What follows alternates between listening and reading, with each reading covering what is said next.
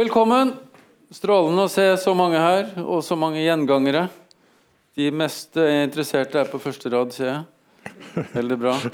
Eh, Jeg heter Harald Alfsen og eh, leder disse samlingene. Til daglig jobber jeg i Inventura med, med anbud og innkjøp, den type ting. Men jeg leder dette da på siden. Jeg leder også tilsvarende samlinger på Litteraturhuset i Oslo. Så jeg tror dette er faktisk den 20. samlingen vi har. Um, opplegget er sånn at uh, vi holder på en times tid med, med selskapsrett her. Og uh, etter det så er det spørsmål, svar, debatt uh, en halvtimes tid. Og hvis det ikke er noe spørsmål, så fyller vi på med litt sånn ekstra, ekstra stoff. Advokater som er her, de får tilleggs eh, sånn etterutdanningspoeng, så de kan få skrive seg på liste her eh, etterpå når de går. Med meg i dag har jeg eh, min tidligere kollega Rolf Beck Sørensen, som er da spesialist i selskapsrett. Jobber i Stensup Stortange, som er et av de største firmaene i Bergen. Um, ja, skal vi bare hoppe i det, Rolf? Ja, det I dag har vi, er vi multimedia, medi, med, har vi multimediashow òg. Ja. Ja. Jeg har laget noen tegninger for Jeg fant ut at det var litt vanskelig å snakke om, om selskaper og eiere uten at du hadde noe, noe å illustrere det med. Ellers blir det mye tegninger i luften. Eh, Jeg jobber jo i, et firma hvor vi er flere som jobber med selskapsrett og skatterett. Og Hvis du går rundt på kontorene til, til oss som jobber med det, så finner du tavler, og der er det tegninger med piler og aksjonærer og selskaper. og Eh, og det hele.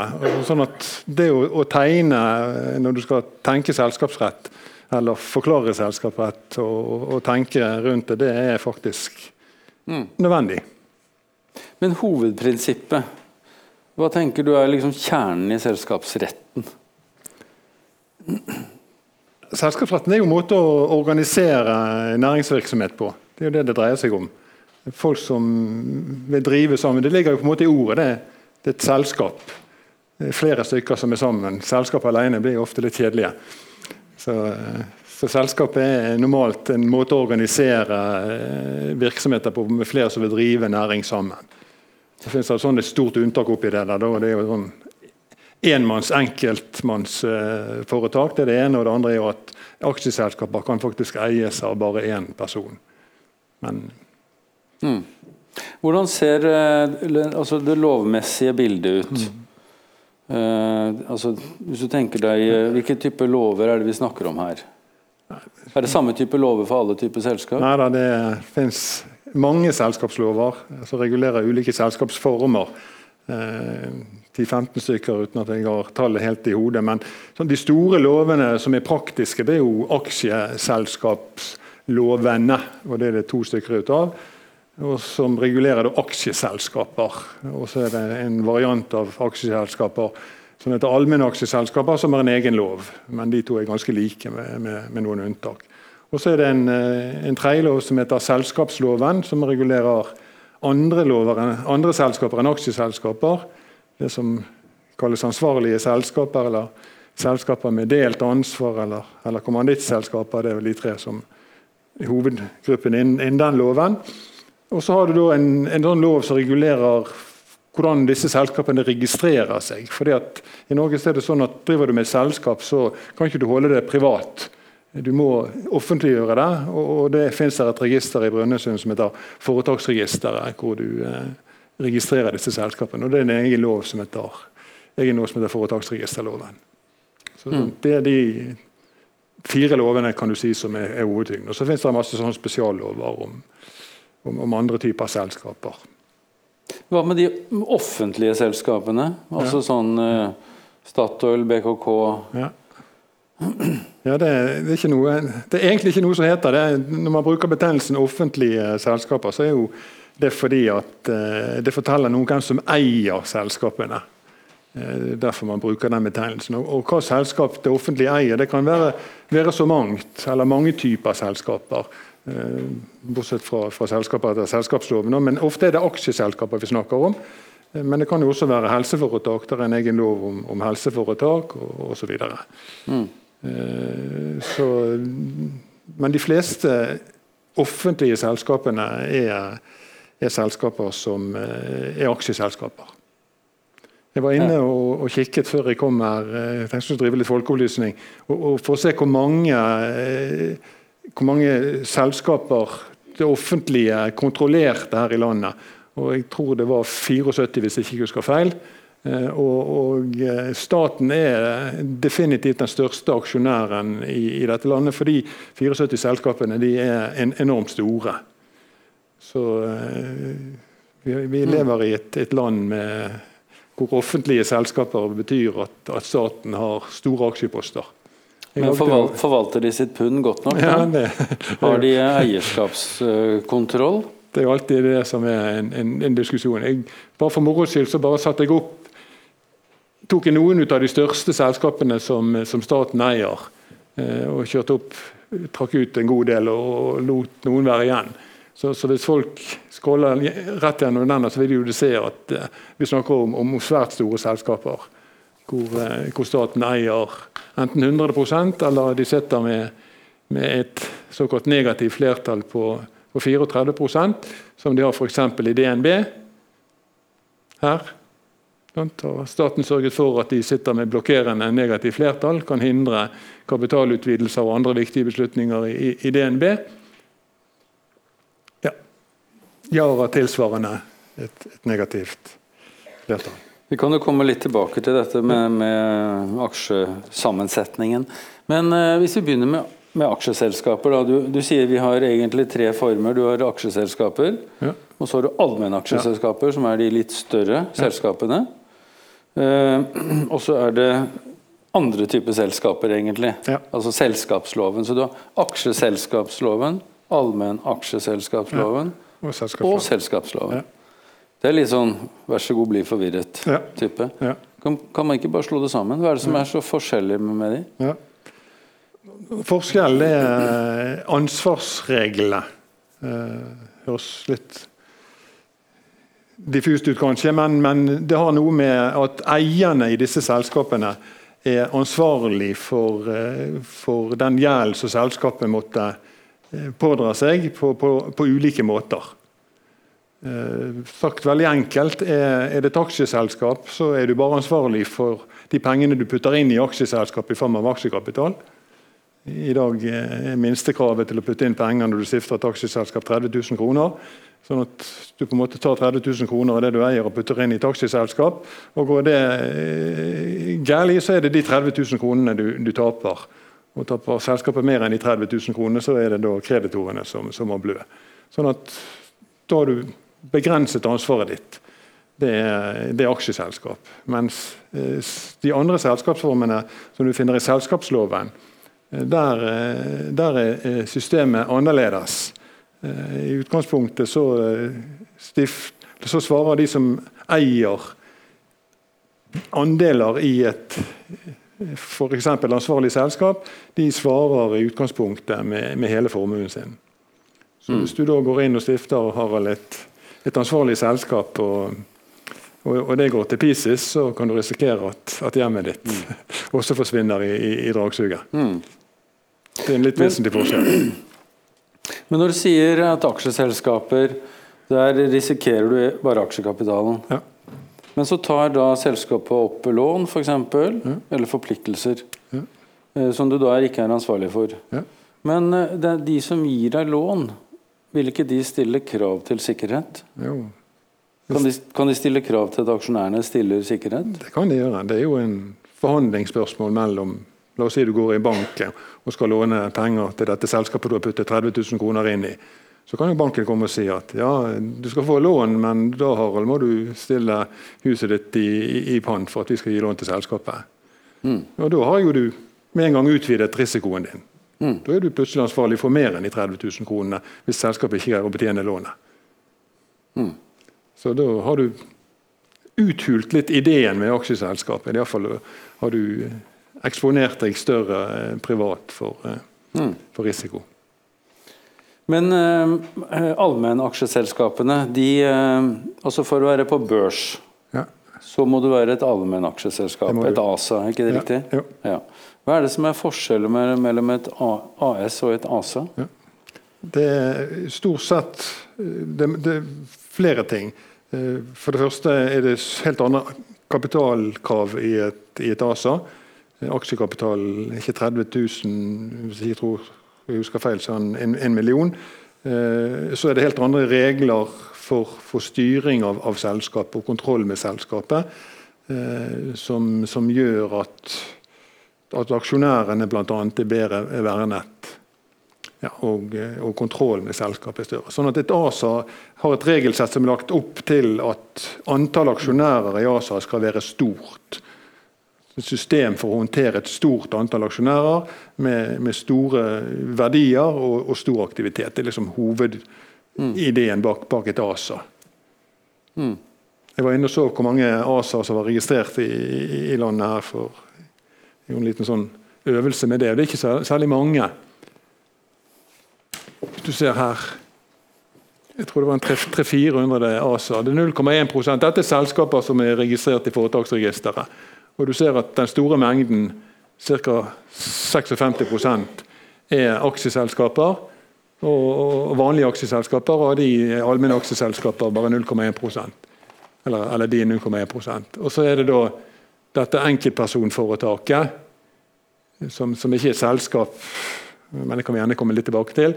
Så, som den andre store, store potten som er registrert i, i Brønnøysund. Hva er de andre selskapsformene, for å ta de, eh, siden du har de oppe der? Ja. Ja, vi har jo da, som jeg sa, I selskapsloven så reguleres ANSAR eh, og DA-er. For de som ikke er kjent med disse forkortelsene, så betyr ANS ansvarlig selskap er det forkortelsen for. Og eh, DA det er et selskap med delt ansvar. Delt ansvar, DA. De springer begge ut av, eh, av eh, selskapsloven, og, det samme gjør denne selskapsformen her. Eh, KS, som står for, for kommandittselskap. Har en mer folkelig betegnelse som kanskje ikke egner seg for å bruke her. Men. Hva, hva er det for noe? Bandittselskap, ikke det? Bandittselskap, ja. ja. Har en, har, en, har en historie som, eh, som skriver seg for, for noen år tilbake, det faktisk. eh, som gjorde at de fikk den betegnelsen. Det var nemlig et ganske gunstig skattesystem rundt kommandittselskap som gjorde at du kunne få fradrag for, for enorme utgifter eh, og, og kunne eksponere deg for, for liten risiko. Eh, og Det ble gjort i en tid for å stimulere eh, særlig skipsfartsnæringen. Og mm. Ergo så fikk man Det var mange skips-KS-er. ja, ja. Mm. Ja. For å stimulere til skipsbygging og gi gunstige skatteregler. Mm. Så var det noen av disse re- rederne da som fikk dårlig rykte på seg. Og, Ja. Ja. Og NUF, det er eh, Hva er det for noe? NUF det er norskregistrert utenlandsk foretak. Det betyr at et selskap som finnes registrert i et annet land innenfor EU-systemet, som da har et kontor i, i, i Norge. Og veldig populært for, for noen år siden fordi at eh, du kunne starte, stifte dette selskapet i England, gjorde de fleste det. Det kostet deg eh, ett pund, og så kunne du få registrert og, og drive virksomhet i, i Norge med, med ett pund som, eh, som aksjekapital. Og det da, fungerer som et AS. Mm. Det var bare dette pundet du hadde å tape hvis det gikk, eh, gikk dårlig. Så senket man eh, kapitalkravene i, i Norge til, til 30 000 kroner, og så ble det litt, litt mindre interessant å gjøre det. fordi at når du hadde et NUF, så måtte du også avlegge regnskap i det landet NUF-et eh, kom ifra. Og at du fikk sånn krav til dobbel selvangivelse både i England og, og Norge. Og, og det ble mye papirarbeid og mye flytting. Så, så det er vel en, en litt ut, utdøende selskapsrase. Men et AS, egentlig. Et utenlandsk AS med et kontor i Norge. Og så er det SA, Ja, hva var det for noe? Det er sam, sam, samvirkelag. samvirkelag. Ja, Ja. de er en del ut av. Det er en helt spesiell eh, selskapsform. Men hvis du tar disse her og forklarer, kan du forklare de litt mer sånn folkelig, Rolf? Ja, Altså, Jeg laget et, noen eh, illustrasjoner på det. Dette var for å vite oversikten. Ja. Eh, hvis vi nå eh, blar oss ned her, så kan jo vi eh, se på et, eh, et selskap sånn rent, rent sånn generelt. Og, dette kan jo være både et aksjeselskap og et, et ANS eller et, et EA. Prinsippene er for så vidt de, de, de samme. Du har noen deltakere som da eh, putter penger eller aktivitet ned i et selskap. Og så eh, får du selskapet der nede hvor, hvor de på en måte driver butikken sin, sin, sammen. Og så er det noen regler om, som regulerer, eh, regulerer forbindelsene mellom deltakerne og, og, selskapet. Og så er det sånn at Deltakere i et selskap trenger ikke bare være personer. Det kan også være et annet selskap. Du kan eie aksjer i ditt eget selskap? Ja. Og Det er en veldig populær eh, eierform i, i dag. Er at, er at, man har et morselskap der, og så har man et som eier aksjer i et selskap der. Eh, og, og hvis Ja. Sånn at eh, Når det er populært, så, så begynner vi å snakke om skatterett, og det er kanskje litt vanskelig å snakke om enkelte, i alle fall. Men, men poenget er det at eh, hvis dette selskapet tjener penger, så kan man hive de pengene opp i det selskapet uten å betale skatt. Det er først når pengene går fra det selskapet opp til den personlige eieren at, at skatten kommer. Så, så, det er en modell som, som brukes veldig mye. Mm. Sånn, og så er det da, Hvis du sier at dette er et, eh, et aksjeselskap, så vil jo da deltakerne der hete aksjonærer. sant? Eh, hvis dette er et ANS, så vil de ikke hete aksjonærer, da vil de hete deltakere. Og da går du inn med mer ansvar? Ja. Hvis du skal illustrere det med ansvar, som, som vi ender ofte opp med når vi skal snakke om selskaper, så, så er det sånn at et selskap og ansvar, det er da ansvar som deltakerne får. Ikke overfor selskapet, men overfor de selskapet skylder penger. Det er jo når det går dårlig med selskapet, at det med ansvar kommer på spissen. Eh, og Det er graden av ansvar som, som da er avgjørende for hvilken type ansvarlig selskap eh, du har. Men Hvorfor vil noen ha et eh, ansvarlig selskap hvis, de, hvis du blir så eksponert som eier? da? Ja, Det er et godt spørsmål. Det er derfor du finner så få ut av det òg. det har jo med, med, troverdighet å gjøre. Og det har med trygghet på, på butikken du, du driver å, å gjøre. Mm. Uh, ja. Og Det viser jo overfor omverdenen at det ikke bare selskapet er noe du skyver foran deg, men at du, du står bak det med, med, med, alt du eier og har. Mm. Så det har litt med troverdighet, troverdighet og ja. måten å vise ansikt på. Mm. Men du bør jo være trygg på at virksomheten din er under kontroll når du driver et, i et ansvarlig selskap. Og så har vi dette uttrykket konsern. Du var så vidt inne på det i sted. Ja. Hvordan, hvordan vil du beskrive det? Det er typisk et, et konsern med, med, to døtre. Et morselskap med to døtre det er et, et konsern. Eh, det som er spesielt med, med konsern, er at eierandelen her i utgangspunktet bør være minst 50 Det er bare majoritet for at du skal definere det som konsern. Jeg skal være litt forsiktig med å, si det, det absolutt, fordi det er ulike konsernregler i ulike, ulike, lover. Men for å gjøre det veldig enkelt der, så er, hovedregelen at skal det være regnes som et konsern, et mor-datter-relasjon, så må morselskapet ha en, en, majoritet. Det betyr at det kunne også vært andre deltakere inni her, men det er det ikke i denne illustrasjonen. Og I dette selskapet her så er det da to, to døtre. Hvorfor heter det ikke farselskap? Ja, Godt spørsmål. Det er jo kjønnsdiskriminerende. Ja, det er det. Vi skal snakke om styresammensetning etterpå. Vi får ta det da. Det er noe for Likestillingsombudet, det, det ser jeg her. Men Det som er litt spennende med sånne konsernstrukturer, er at de er Jeg tenker at selskapet kan velge veldig mange forskjellige typer modeller. Ja. Uh, i, I går for eksempel, kunne vi lese i, i Finansavisen om, uh, om uh, SalMar konsernet, eller det er altså et svært uh, konsern som heter Kverva, som Gustav Witzøe eier. Mm. Og i morselskapet, konsernet, eller topp, toppen, så er det bare ti ansatte. Ja. men verdier på 16 milliarder. Mm. Og strategien er å legge hele produksjonen i en serie med døtre. Ja. Og for, for det konsernets vedkommende så har det med verdikjedebetraktning å gjøre, bl.a. At uh, de har råvarertilgang, de har uh, bearbeidingstilgang, de har, uh, de har næringsmiddel de eier Lofotprodukter. Så de eier liksom hele kjeden. Det er den type struktur. Ja. Men tenker det er, Eller man kan velge andre typer strukturer. Det er, det, man, det er derfor ofte man velger å organisere seg i, i konserner. Sant?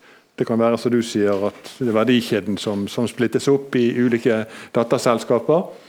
Eh, en annen veldig mye brukt eh, bransje eller næringsvirksomheter som driver i, i konsern, det er, eiendomsselskaper.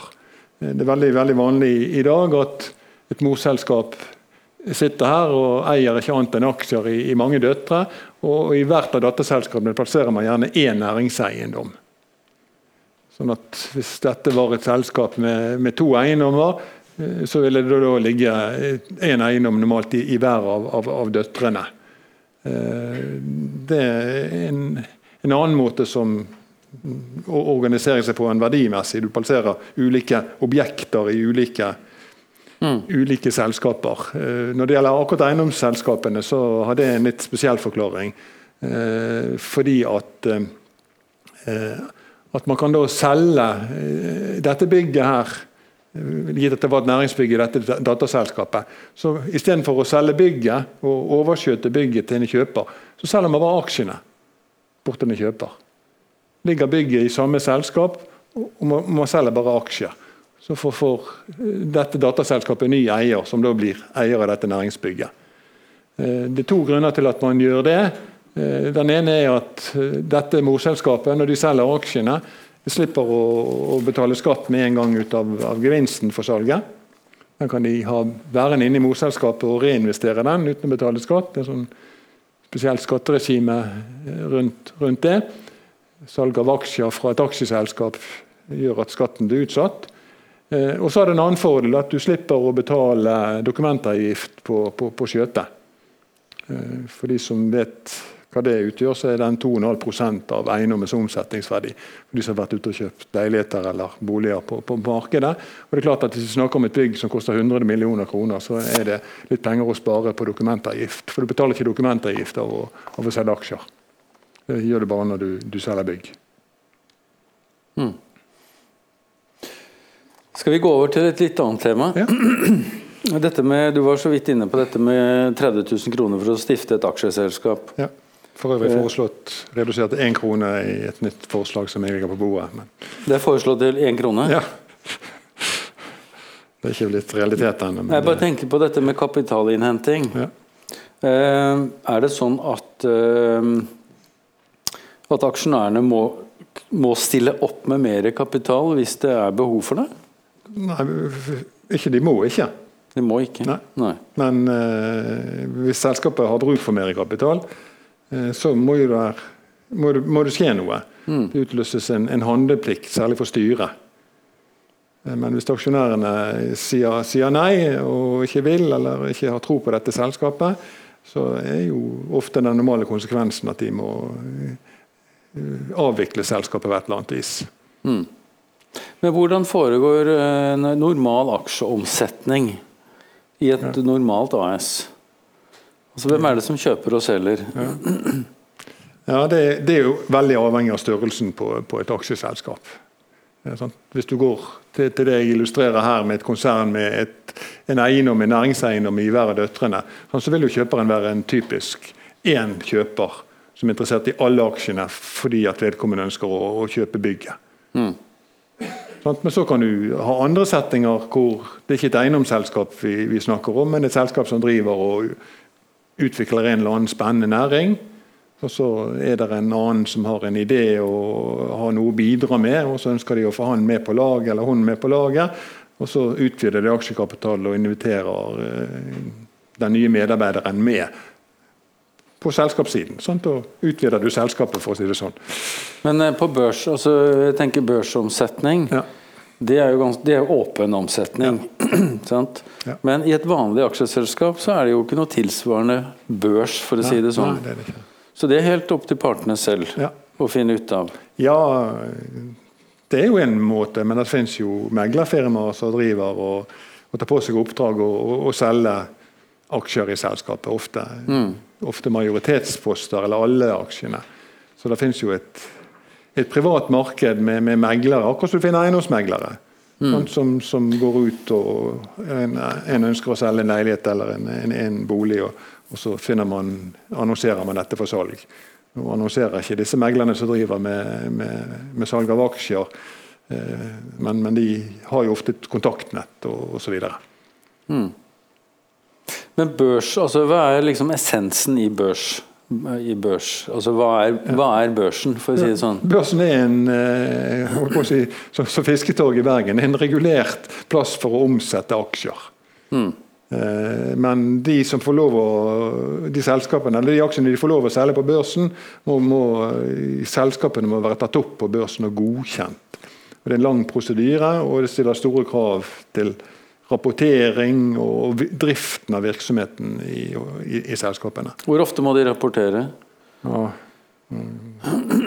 ja, Iallfall uh, årlig med årsberetninger. Og så er det rapporteringskrav hvis det skjer ting i, i, i selskapet. Uh, mm. ja. Bergen næringsråd har jo en sånn uh, vestlandssamling hvert kvartal, tror jeg det er. Jeg, jeg tror det var kvartalsrapportering, ja. hvis jeg ikke husker feil. ja. ja. Og da, Jeg har vært til stede der, og eh, det er jo sånn at selskapet skal jo ikke fortelle børssensitive ting Nei. i mellomperiodene. Men de kan fortelle ting i presentasjonen sin. Det er denne reguleringen, at, at alle skal det skal være et regulert marked hvor ikke man skal få lov å, å, å ha innsidekunnskap og, og, og, sånn sett ha et forsprang overfor andre eh, aktuelle kjøpere. Mm. Altså, der er det også innsideregler hvor, hvor, man kan få karantene fordi man sitter i styret i et børsnotert selskap. Så kan ikke man gå ut og ha aksjer der, så kan ikke man selge dem fordi at en, eh, man kjenner til en prosess som ikke er offentliggjort osv. Har vi mye dommer på dette med innsidehandel? Ja, det har jo vært, Økokrim har jo forsøkt å kjøre en, en, del saker de siste årene i forhold til, eh, til straff. ja. Mm. Eh, jeg har lyst til å gå over på dette med, med ledelse av ja. selskap. Ja. Og Hvis vi begynner med styrets ansvar. Hva, hva, tenker du er liksom det viktigste med styrets ansvar? Nei, Etter loven så er jo, eller Utgangspunktet for styret er jo at de har et overordnet ansvar med, med, med, med selskapet. Eh, det er jo et greit prinsipp, da, men er det et veldig lite selskap, så, så, vet jo man det meste av det som skjer. og Da blir jo ofte ansvaret eh, mer detaljert enn, hvis det er et større selskap hvor man ikke kjenner all, alle tingene som skjer. Eh, men, men utgangspunktet så skal styret da sørge for at selskapet blir forvaltet skikkelig. At det er organisert skikkelig, har kvalifiserte folk om bord, har systemer og rutiner som sjekker at det er på plass. Forvaltningen er på, på, på plass. Og så skal man da, Det er det ene, og så er det andre som styret skal gjøre, det er at de skal føre tilsyn og sjekke at, at det funker.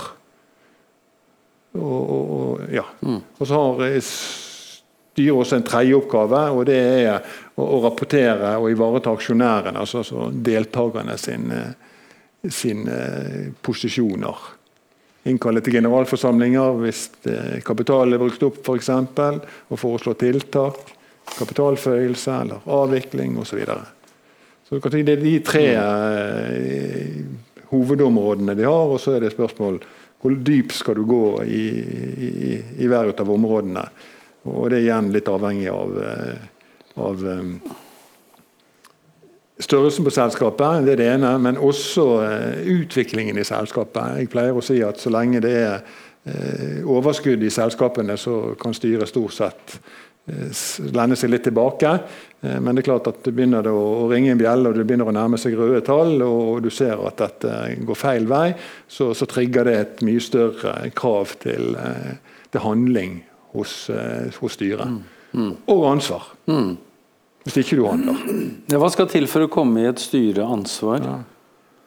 Det skal ikke så veldig mye til, egentlig. Det, skal, det største tabben som styremedlemmer gjør, og det som eksponerer dem for, for, ansvar aller mest, det er at ikke de gjør noe.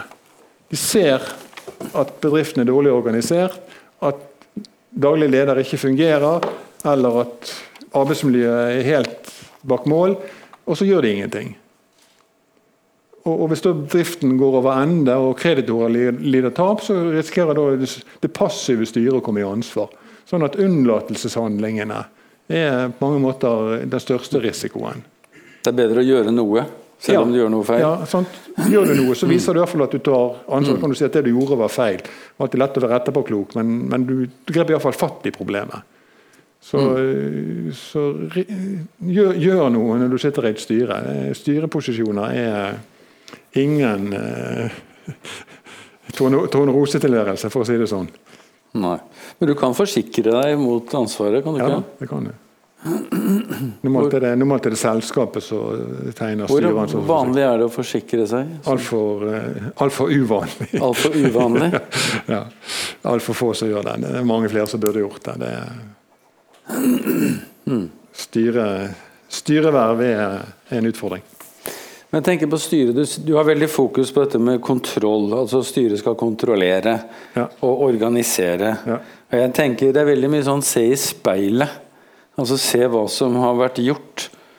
Eh, jeg savner veldig, når du leser eh, aksjeloven her, savner veldig altså at styret faktisk skal være med å sette strategien. Utvikle produkter og markeder og se fremover. Hvorfor er det, altså er det sånn at styret bare skal se bakover? Ja, loven, lovens system er det.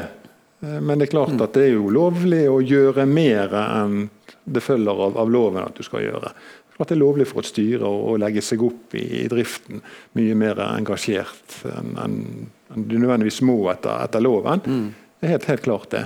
Eh, men baksiden av den medaljen er jo at du da også få et større ansvar. Sant? Hvis du legger deg opp i driften og overstyrer daglig leder og sier sånn og sånn skal vi gjøre det, ikke sånn og sånn, og så går det gærent, så vil jo bare daglig leder si at hva, hva sa jeg? Sant? Se på det styret her. Mm. Det er de som forårsaket dette. Mm. Så det, det, altså, det, er ikke ulovlig å gjøre mer, det er det jeg sier. Men gjør du mer, så nærmer du deg at du blir en daglig leder i dette styret.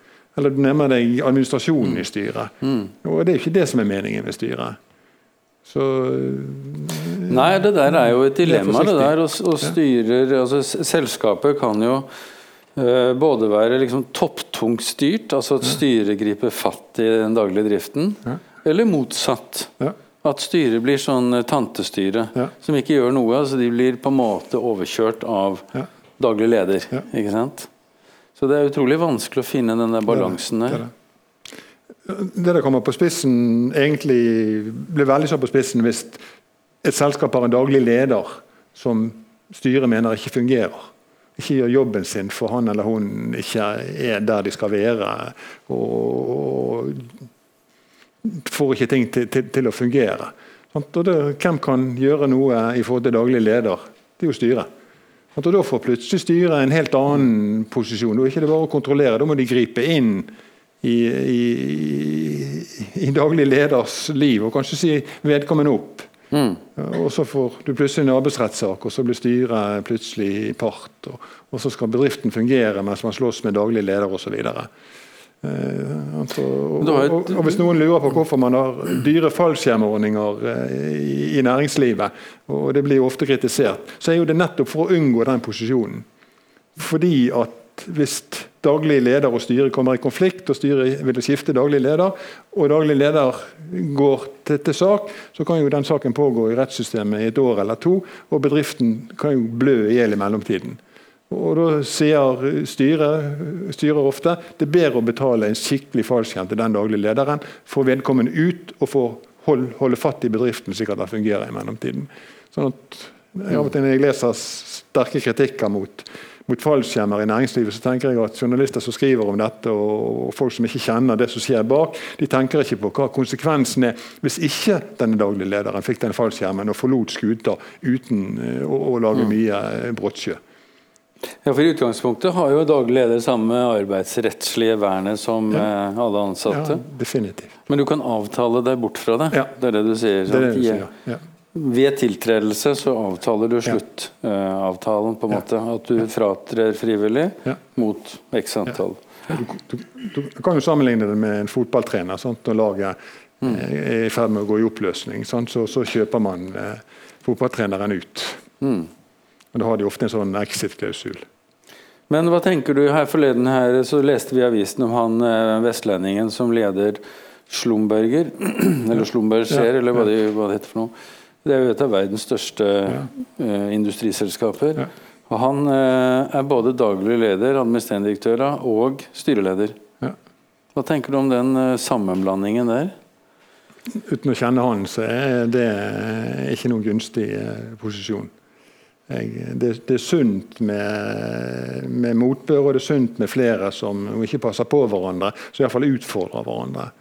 Og det å få en sammenblanding eh, på alle nivåer er, er veldig uheldig.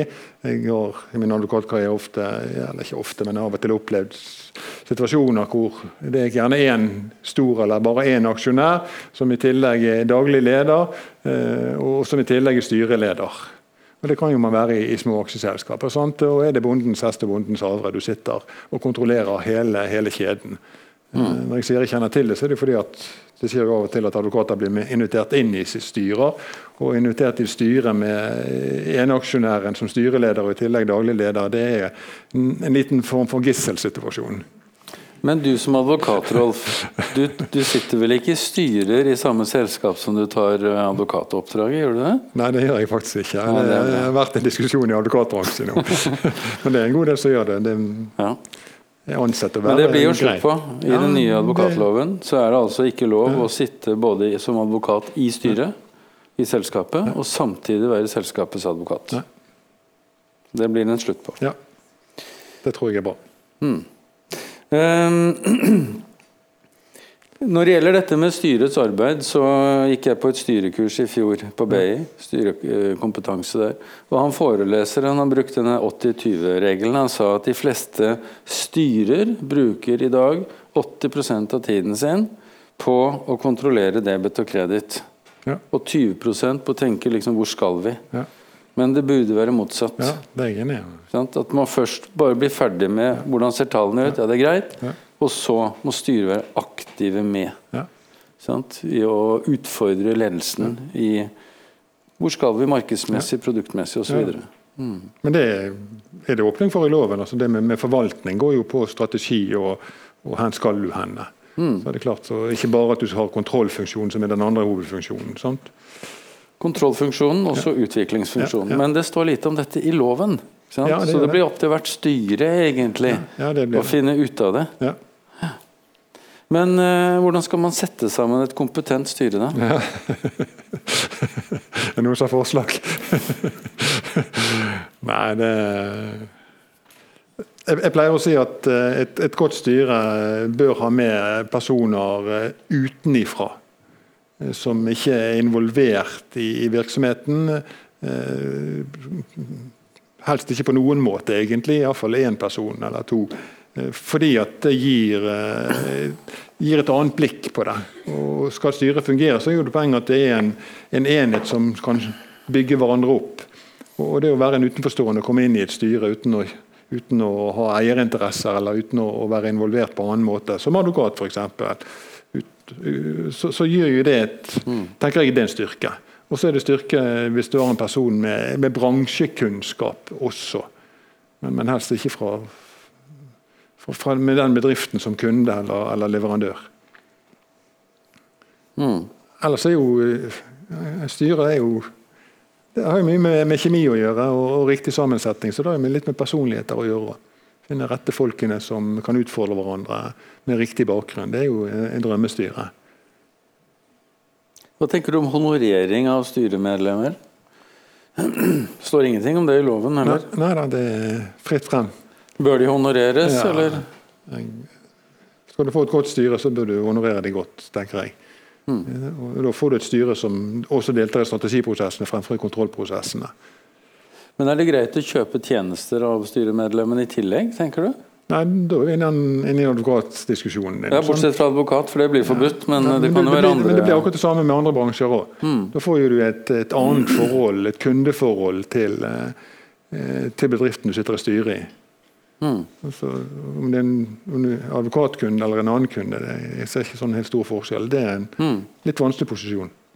Hva med ansatte valgte representanter? Hva er hovedgrepet der? Altså, hvis antall ansatte 30 eller 50, så Ja, så utløser det er jo krav i loven, men, men det er ikke noe i veien for at man kan ansette representanter, selv om ikke det er lovpålagt å ha det. Men representerer de de ansatte, eller representerer de seg selv? De representerer eh, selskapet og styret.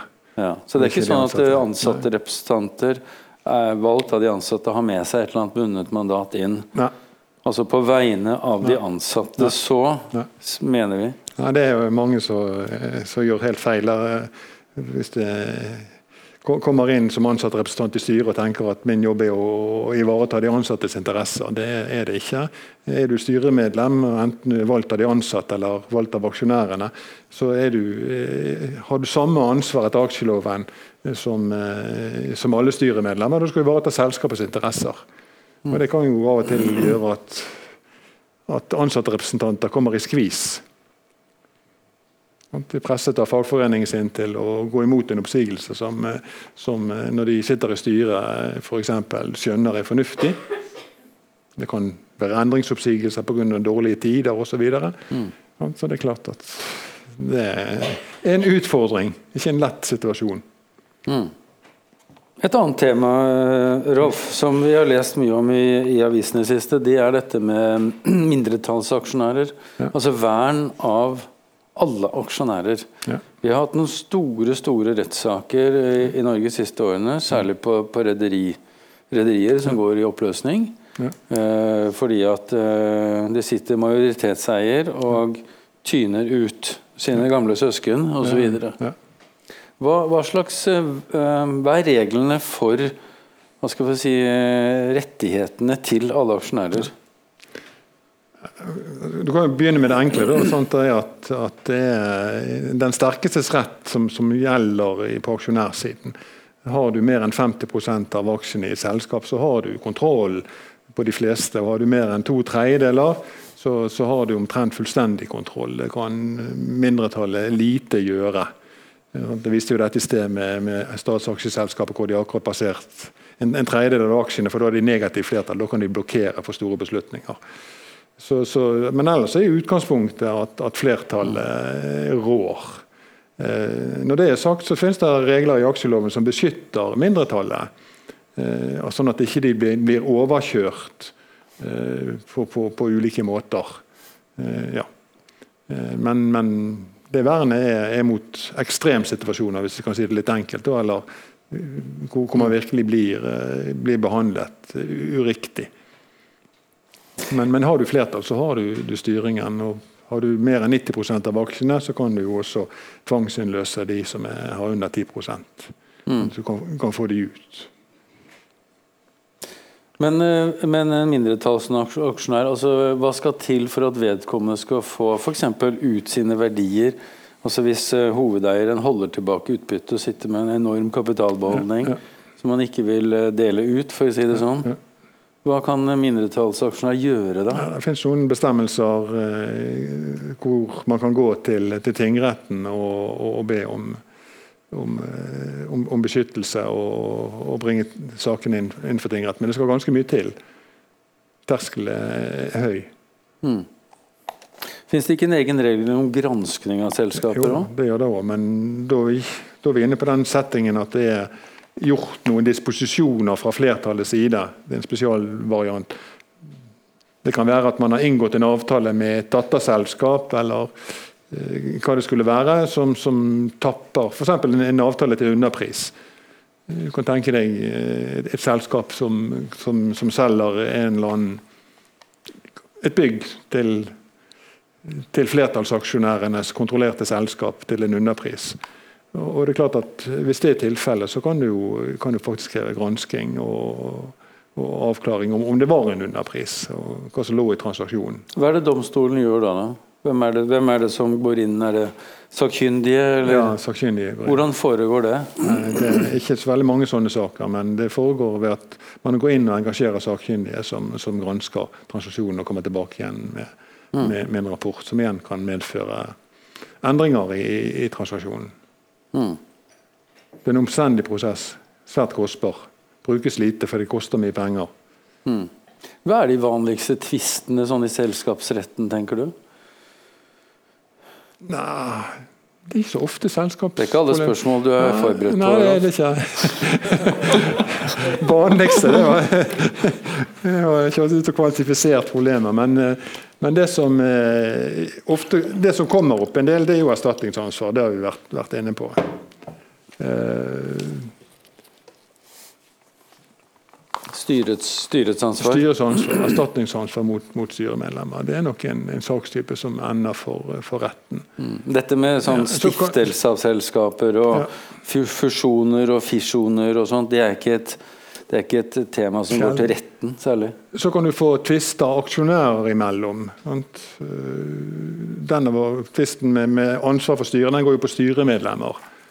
Sant? Så kan du ha tvister aksjonærer imellom. Uh, ja, det har hatt en, en variant ut av hvor, hvor eh, man får en uenighet om hvem som er aksjonær. Eh, det kan jo skje at en aksjeeier selger til en annen aksjeeier, eller krever å gjøre gjeldende en forkjøpsrett. og så slåss man om, om forkjøpsretten eller slåss om gyldigheten av salgsavtalen. Og så møter selskapet to aksjonærer som sier at vi eier disse aksjene her, og så sier han andre men jeg eier disse aksjene. og Så slåss aksjonærene seg imellom. Og Så skal man holde generalforsamling. Hvem skal stemme, på den generalforsamlingen for disse aksjene? Og Det kan være store aksjeposter. Så får, Det er en tvistesak som av og til forekommer for domstolene. Aksjeeiertvister. Det angår ikke selskapet direkte, men indirekte. Fordi mm. at når man skal holde generalforsamlingen, så må man bestemme seg for hvem er aksjonær. Mm. Og det kan være avtaler andre typer avtaler mellom aksjonærer. Mm. Når du sier avtaler mellom aksjonærer, hvis du tenker deg det du må ha på plass, det er jo stiftelsesdokumentet. Ja. Må man ha vedtekter?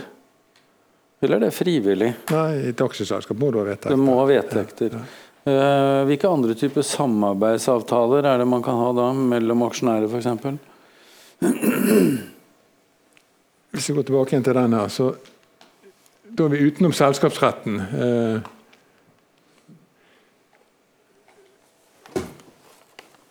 det, det, du kan ha, det er at du kan ha avtaler mellom aksjonærer. Som for så vidt ikke har noe med selskapet å gjøre. Eh, vi to har stiftet et aksjeselskap sammen. Eh, og så er vi enige om at hvis jeg vil, så kan jeg få lov å selge aksjene til deg, og du er forpliktet til å kjøpe dem. Så kan vi inngå en enkel avtale om det oss imellom. Den berører jo ikke selskapet. Mm. Når jeg kommer en dag og har bruk for penger til julepresanger, så kommer jeg til å si Harald, nå må du kjøpe de aksjene, og så må du kjøpe de. Mm. Det angår ikke selskapet, men det er en avtale på, på aksjonærsiden.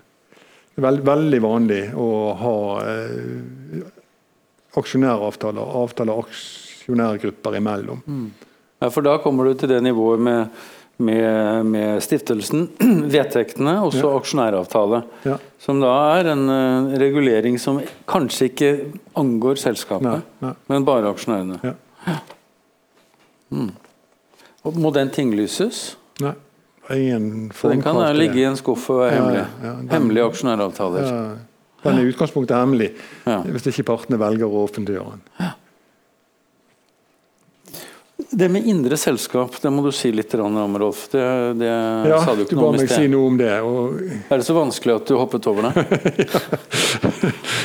det er en sånn uh, selskapsform som, uh, som, av og til brukes. Uh, og, og, Poenget med, med, det indre selskap det er at det ikke er synlig utad.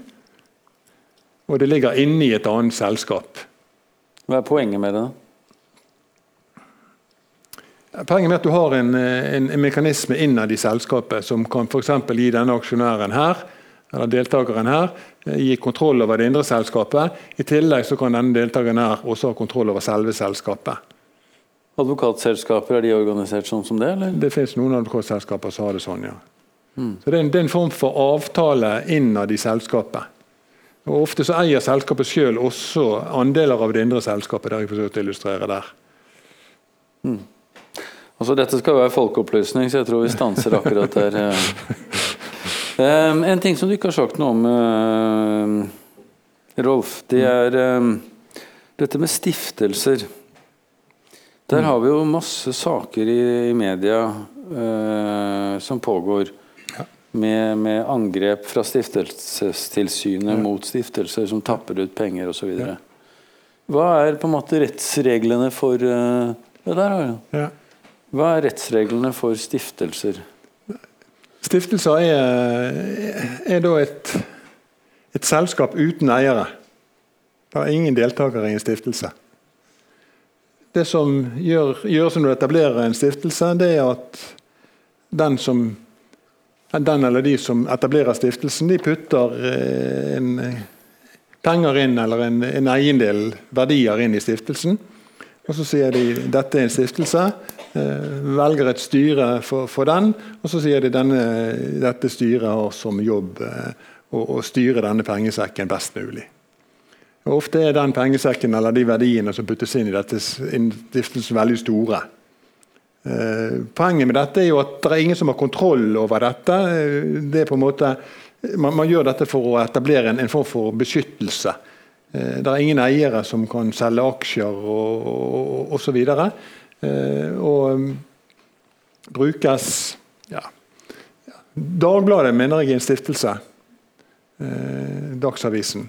Og Det gjorde de i sin tid for å hindre å bli oppkjørt, for å være fri og uavhengig. At ikke noen skulle komme og kjøpe aksjene og bestemme hva avisen skulle skrive om eller ha standpunkter om. Mm. Så, sånt, og puttet de masse verdier inn i en stiftelse, og så velger stiftelsen, velges et styre. Og så finnes det et offentlig stiftelsestilsyn som passer på at uh, styret gjør jobben sin, og stiftelsen ruller og går i, i samsvar med stiftelsesloven. Så det er en måte å, lage en innkapsling på. Du finner jo også stiftelser som deler ut stipender. sånt. Mm. Det advokatfirmaet jeg jobber i, de, vi, vi leier oss en stiftelse som, han som eide dette bygget på Torgallmenningen en gang. Han hadde ikke barn. og Så puttet han hele bygget inn i en stiftelse som, som da drives og, og, leier ut. Og så deler de ut pengene til, til studenter, faktisk. Det var en del studenter, mm. ja, det mener jeg. Men det vi leser om i avisen ofte, er jo at, eh, at styret uh, beriker seg selv. Ja. altså De har ganske heftige ja. styrehonorarer ja. i millionklassen. Ja. Uh, fordi at det er noen finurlige regler f.eks. i vedtektene her om at prosenter av avkastning eller et eller annet sånt skal gå til, til styret. Ja. Og det kan man jo på en måte Da kan man jo på en måte tappe ned stiftelsen, hvis styret på egen hånd kan sette regler. Men da har du eh, Stiftelsestilsynet som fører kontroll og overvåker at. Dette driver. For det er jo faren når det blir ingen eiere som passer på disse. Sant? De har jo ingen generalforsamling eller eiere som, mm. som banker på og sier hva er det dere driver med, dette styret her. De er jo helt innkomst. Det er masse sånne allmennyttige stiftelser i Bergen. Ja. Eh, blant annet. Kavli er vel en stiftelse. Ja. Skipsted, Aftenposten VG eies ja. av uh, stiftelse. Ja, riktig det. Olav Thon har jo lagt hele formuen sin over i Olav Thons stiftelse. Sånn at når han kreperer, som han antagelig godt kunne gjort for lenge siden, ja. så, så, har han vært forberedt. Vær forsiktig, vi har tatt opp dette. her. Ja, ikke sant, det ble tatt opp, ja. Jeg har glemt å si at vi tar det opp eh, og legger det på um, iTunes, dette, på, på podkast. Littpod. Um, Poenget med stiftelsen er på en måte å kapsle ting inn og ja. gjøre det uangripelig. Mm. Og, ja, sånt Olaf Thon vil bevare det han har skapt for ettertiden, og ingen skal få lov å, å slåss om det. Og avisene uavhengighet osv. Helt mot slutten, og jeg har holdt på snart en time, Rolf. Ja. Eh, helt mot slutten så kan jeg godt tenke meg å høre liksom, dine refleksjoner rundt livssyklusen. Altså, ja. Eh, vi har snakket mye om stiftelse av selskapet, og ledelse og styre og eiersammensetning og sånn. Men så dør det jo hen på et vis, eh, på et eller annet tidspunkt. Hva er på en måte den normale avviklingen av et ja, selskap? Ja. ja selskap, selskapslivet tar slutt en gang, sant? Ja. og da ble det nachspiel etterpå. Og på, på nachspielet kan, kan, eh, kan, flere ting skje, da. Eh, for, for selskapene så kan det skje at, eh, at du går konkurs. Det er jo en, en brutal og effektiv avviklingsmåte av et selskap.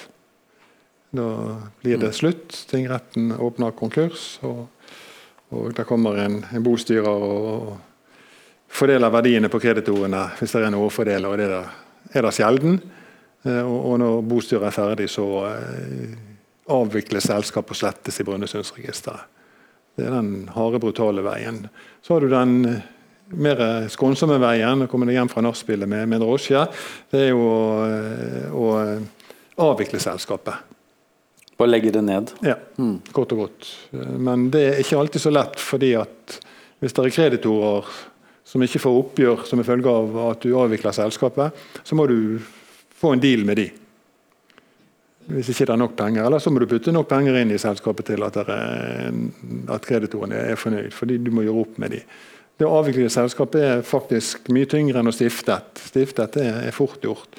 Avviklingsprosedyren er lang, du skal kunngjøre avvikling, og kreditorer skal kunne melde seg og protestere osv.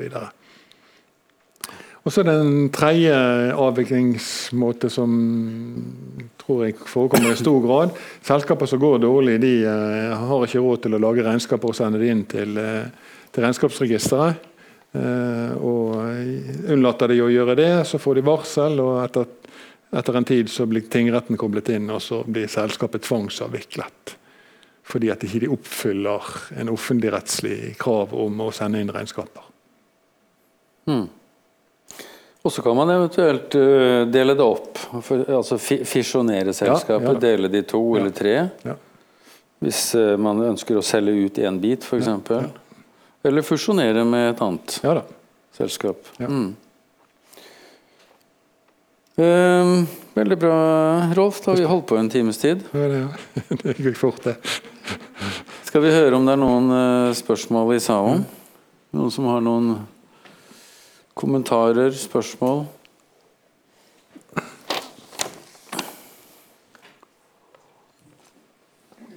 Ja, fyr løs.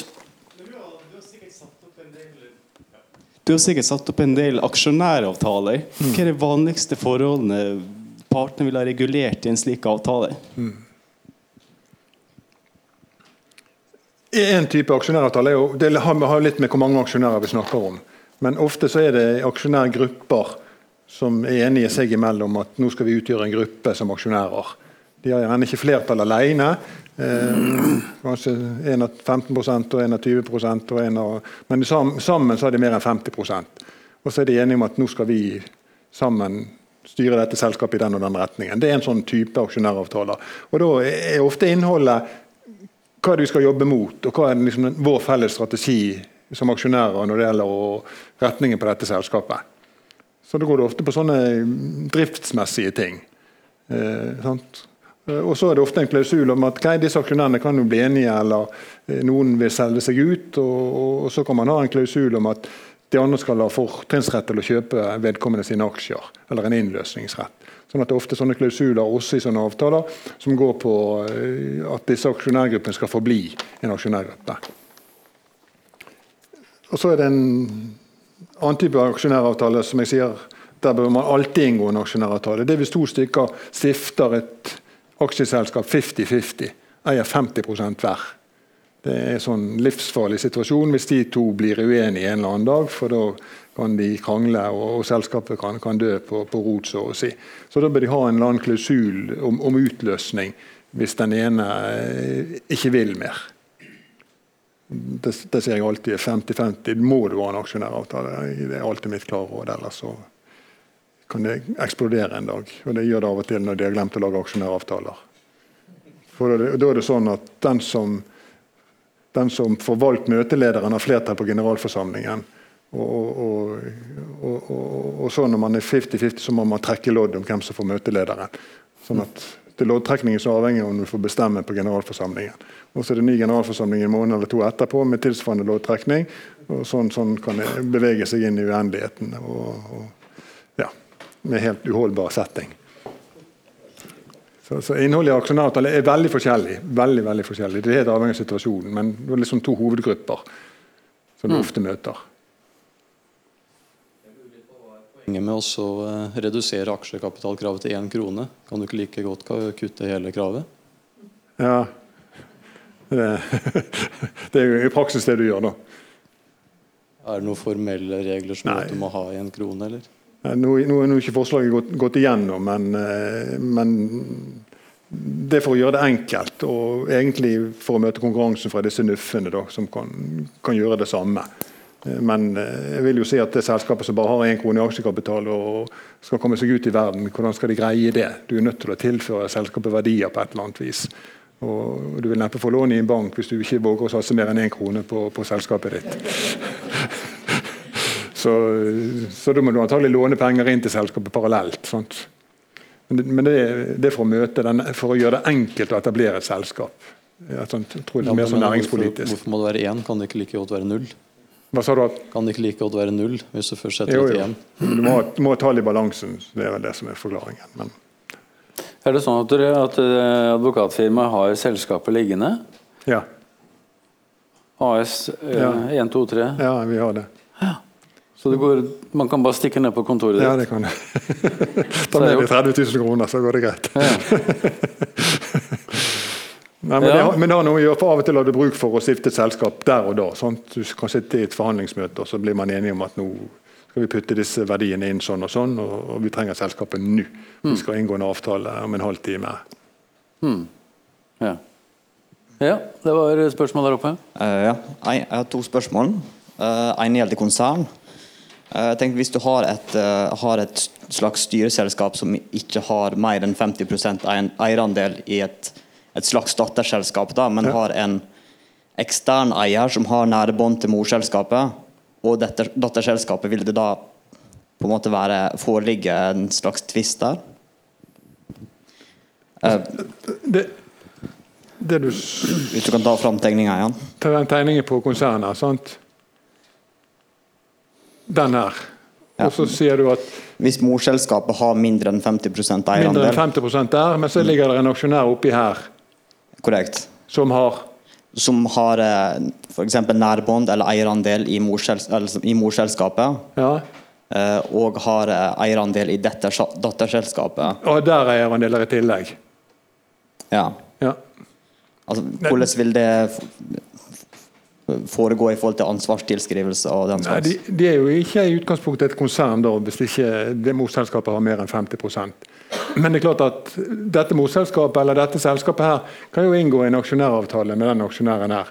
Eh, og så kan de være enige om å kontrollere det selskapet der eh, fullt og helt. Men det blir ikke et konsern i, i, i lovens forstand. Men, men det vil jo ha samme funksjon som et konsern. At du vil jo ha kontroll med mer enn 50 hvis det er en aksjonæravtale mellom disse to.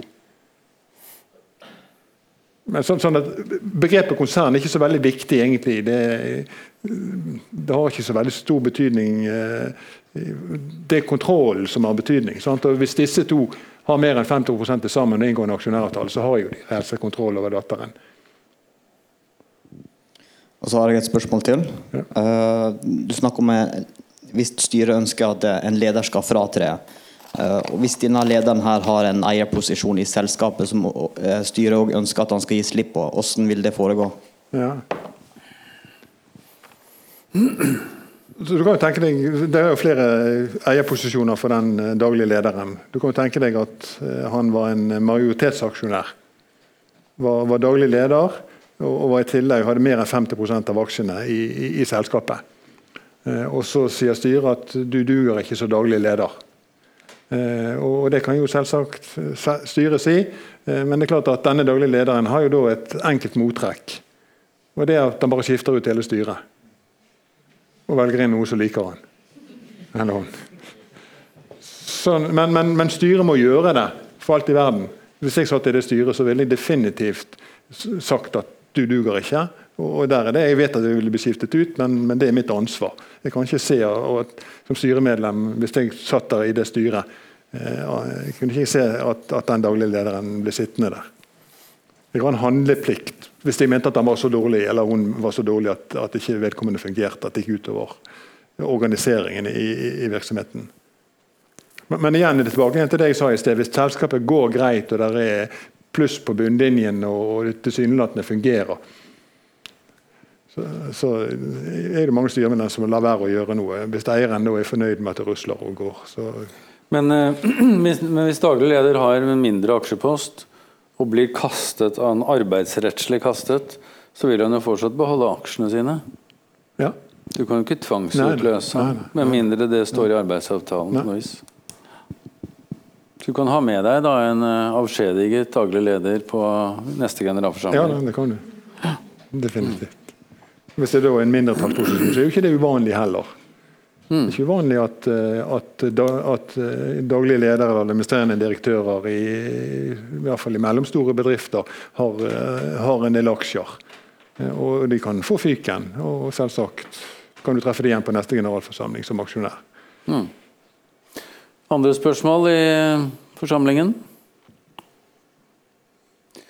Jeg kunne tenke meg å spørre Ja, jeg ser, deg en hånd der. Men eh, før, før han slipper til, Rolf. Jeg kunne tenke meg å spørre deg om, eh, om dette med mm, skatteplanlegging. Altså organisering av selskaper med det formål å spare skatt. Og tenke på Ikea, sant, som vi har lest om. Disse store som har etablert seg bort til Irland. Eh, hva er som er liksom essensen i dette? Hvis vi tar det nasjonalt først, bare for å gjenta litt det jeg sa i sted, så finner du ofte mor- og datterselskaper på denne måten her, med ett morselskap som eier aksjer i et, i et datterselskap. Eh, Og ofte er det bare én aksjonær i morselskapet. Og, og, og så er det ingen virksomhet der. eneste morselskapet gjør, er å eie aksjer der. Her er virksomheten. Eh, Og Hvis dette dataselskapet her tjener gode penger, så kan det dataselskapet betale utbytte opp til dette morselskapet. Og, Poenget er at morselskapet slipper å betale skatt av, av det utbyttet de mottar. Det er først når morselskapet betaler utbytte videre til den personen som måtte eie morselskapet, at skatteplikten blir utløst. Sånn at skatt Men hvorfor skal morselskapet eh, samle seg opp en stor kassebeholdning? Jo, nei, for de kan jo de kjøpe investere i noe annet. Dette er, valgt politisk for å ha penger disponibelt til, til, til investering, rett og slett. Men det er utbytteskatten. Ja, Eh, De skal jo, Datterselskapet skal jo betale selskapsskatten det sin. Ja. først. Ja. Så det er det som er i rest, for å si det sånn. Utbytte. Som kan gå opp til mor eh, Så skattefritt. Ja, så er det en annen setting at denne morselskapet kan kanskje selge aksjene i dette dataselskapet. Jeg nevnte i sted at ofte har du eiendom, eiendommer liggende i, i, datterselskaper, hvis vi snakker om næringseiendommer i alle fall. Sånn, og det er klart at Da kan dette motselskapet selge disse aksjene ut bort her til en annen kjøper, og gevinsten ved aksjesalget kan du også beholde skattefritt. Og Da er det ingen skatt. Og sette i gang en ny aktivitet. En ny datter. Så kan de kjøpe et, en ny eiendom eller en annen aktivitet. Det var sånn, derfor henger skatt og selskapsrett veldig tett sammen i, i, i Norge. Også når, når man fisjonerer, altså splitter et selskap, så kan man gjøre det skattefritt og også fusjonere det hvis man gjør det på spesielle måter. Sånn at Selskapsrett og skatt henger veldig tett sammen i Norge. Men så stilte du spørsmål hvor vi beveger oss utover eh, over landegrensene. Eh, og der er det sånn at eh, man internasjonalt kan drive ganske avansert skatteplanlegging. eh, Fordi at uh, det er ulike skatteregimer i ulike land. Det er ingen land som har helt like skattesystemer. Og Så kan man da eh, si at, at eh, vi deler ut dette utbyttet til et selskap i, et skatte, i et land hvor ikke man får skatt over for utbytte, selv ikke når det går videre til de personlige aksjonærene. Og Det er en måte å gjøre det på, og den andre måten å, å, gjøre det på er at det er ulike, eh, ulike måter å beskatte samme typer inntekter og utgifter på i, i ulike land. At Irland er jo ofte i Europa et sånt land med, med særlig gunstige skatteregler. Og I Irland så finner du morselskaper til veldig mange store konserner.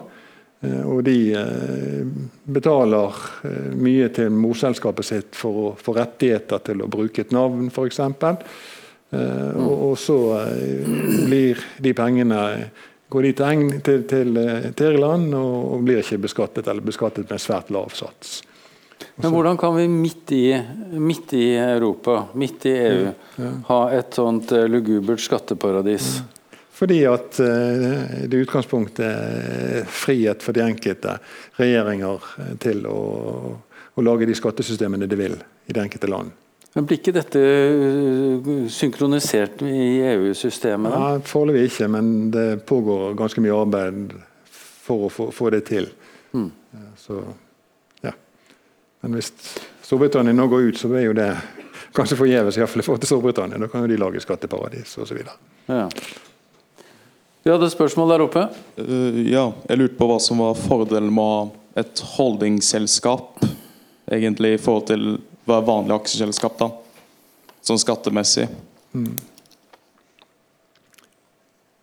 Skattemessig er den fordelen den jeg har sagt at, at gevinstene fra, fra datterselskapet her kan du eh, kan du eh, putte opp der uten å beskatte de. Det er liksom den skattemessige begrunnelsen. Men så har du selvsagt også en, en næringsbegrunnelse, som vi har vært inne på. Sånn Tarald sier at store konserner eh, har ofte eh, ulike aktiviteter puttet inn i ulike dataselskaper. Og Det er jo en måte å Ikke for, for å spare skatt, men for å lage organisasjoner og virksomheter i, i dataselskapene. Og så sitter der en, et konsern på, på toppen. Så, så Ofte er ikke det skattemotivert, det er, en driftsmessig motivert. Og Så kan det være at de satser på et nytt område, og, og kanskje er det risiko for at dette går gærent, og så ønsker de å skille ut den satsingen og en viss pengesekk til, til, til den. Så- Men ordet holdingselskap det er ikke noe annet enn et morselskap, er det det? I denne Nei. sammenheng? nei. Holdingselskap samme er, er, er faktisk et nøytralt ord for morselskap. Ja. Ja, faktisk. Mm. Der fant vi det. Det fant vi. Ja, andre spørsmål? Jeg har et til på lur, eh, som du heller ikke vet om. Eh, nei, og det er, eh, det er en liten sånn anekdote fra, fra dette styrekurset jeg tok i fjor. Ja. Hvor jeg skrev da en eksamen om eh, BKK. Ja. Altså, vi fikk jo utlevert type eksamener. Jeg skulle analysere styret i BKK. Og det er jo en, eh, et firma som er, eh, som er eid av det offentlige. Ja. Såkalt offentlig selskap. Offentlig selskap. Og da er det jo eh, Og det er ganske typisk og ganske problematisk at eierne eh, Altså de eier styreposisjonene er ganske attraktive for politikere, f.eks. Godt betalt. Godt betalt. Og at vi har en masse offentlige selskaper Ja. Med inkompetent styremedlemmer. Jeg sier ikke at det er i BKK. Eh, der har de hatt en reise på det, det kan jeg fortelle om. Men, eh, eh, men det er i hvert fall politikere som får på en måte en slags belønning for lang og tro tjeneste. De har vi altså drøssevis av sånne. Og de sitter altså i styrer med stort ansvar og hever store godtgjørelser uten at de egentlig er kompetent. Der har du ikke det kompetansestyret som du var på jakt etter. Sant? Og hva gjør vi med dette? Ja. Nei, det er jo et, egentlig et politisk spørsmål mer enn et juridisk spørsmål. Det må Ja. jo være at politikerne som eh, i, i de kommunene som eier aksjer i BKK, det er vel en tre-fire-fem kommuner hvis jeg ikke husker feil, de må jo være mer bevisste i forhold til hvem velger de inn i styret, hvis vi holder oss til BKK. Sant? Eller det er et Ja. annet kommunalt selskap. Ja, og akkurat de har gått en lang reise der å plukke ut folk som er kompetente. Og det stilles eh, større og større krav til de styremedlemmene der. Så de har gått på en reise. Men, eh, men mange andre av disse kommunale mindre selskapene har ikke Det er ikke noe valgkomité, f.eks. finnes nesten ikke valgkomiteer. Det finnes ikke i mange aksjeselskaper heller. Men det du tar opp, Harald, er jo det samme som eh, du har også i privateide aksjeselskaper. Har du en aksjonær som er helt bevisstløst i forhold til valg av styremedlemmer, og setter inn svogeren sin eller naboen sin eller kameraten sin, så ender jo du i, i, i samme inkompetente inkompetanseproblemstillingen. Det er jo beste måten å, å bli uvenner på. Det er å ta en kamerat og sette i styret selskapet ditt. Godt poeng. Derfor er ikke du styremedlem i mitt selskap. Ja, eh, noen eh, flere refleksjoner? Eller roper baren på, på dere? Nei, men jeg tror vi, er- vi er kommet til veis ende. Vi har ti minutter igjen, men det, det får stå sin prøve. Eh, Dere som ønsker å spørre mer som konkrete om ting her, dere kan bare kontakte Rolf enten her eller i Stenstrup. Um, Ellers så kan jeg si at eh, vi skal ha en sånn samling til nå i vår, i april. Og da er det helserett som står på agendaen. Da blir det fullt av eh, helsearbeidere i salen eh, og pasientforeninger. For da skal vi snakke om pasientrettigheter. Interessant. Så eh, tusen takk for at dere kom. Takk til deg, Rolf. Takk, takk for meg.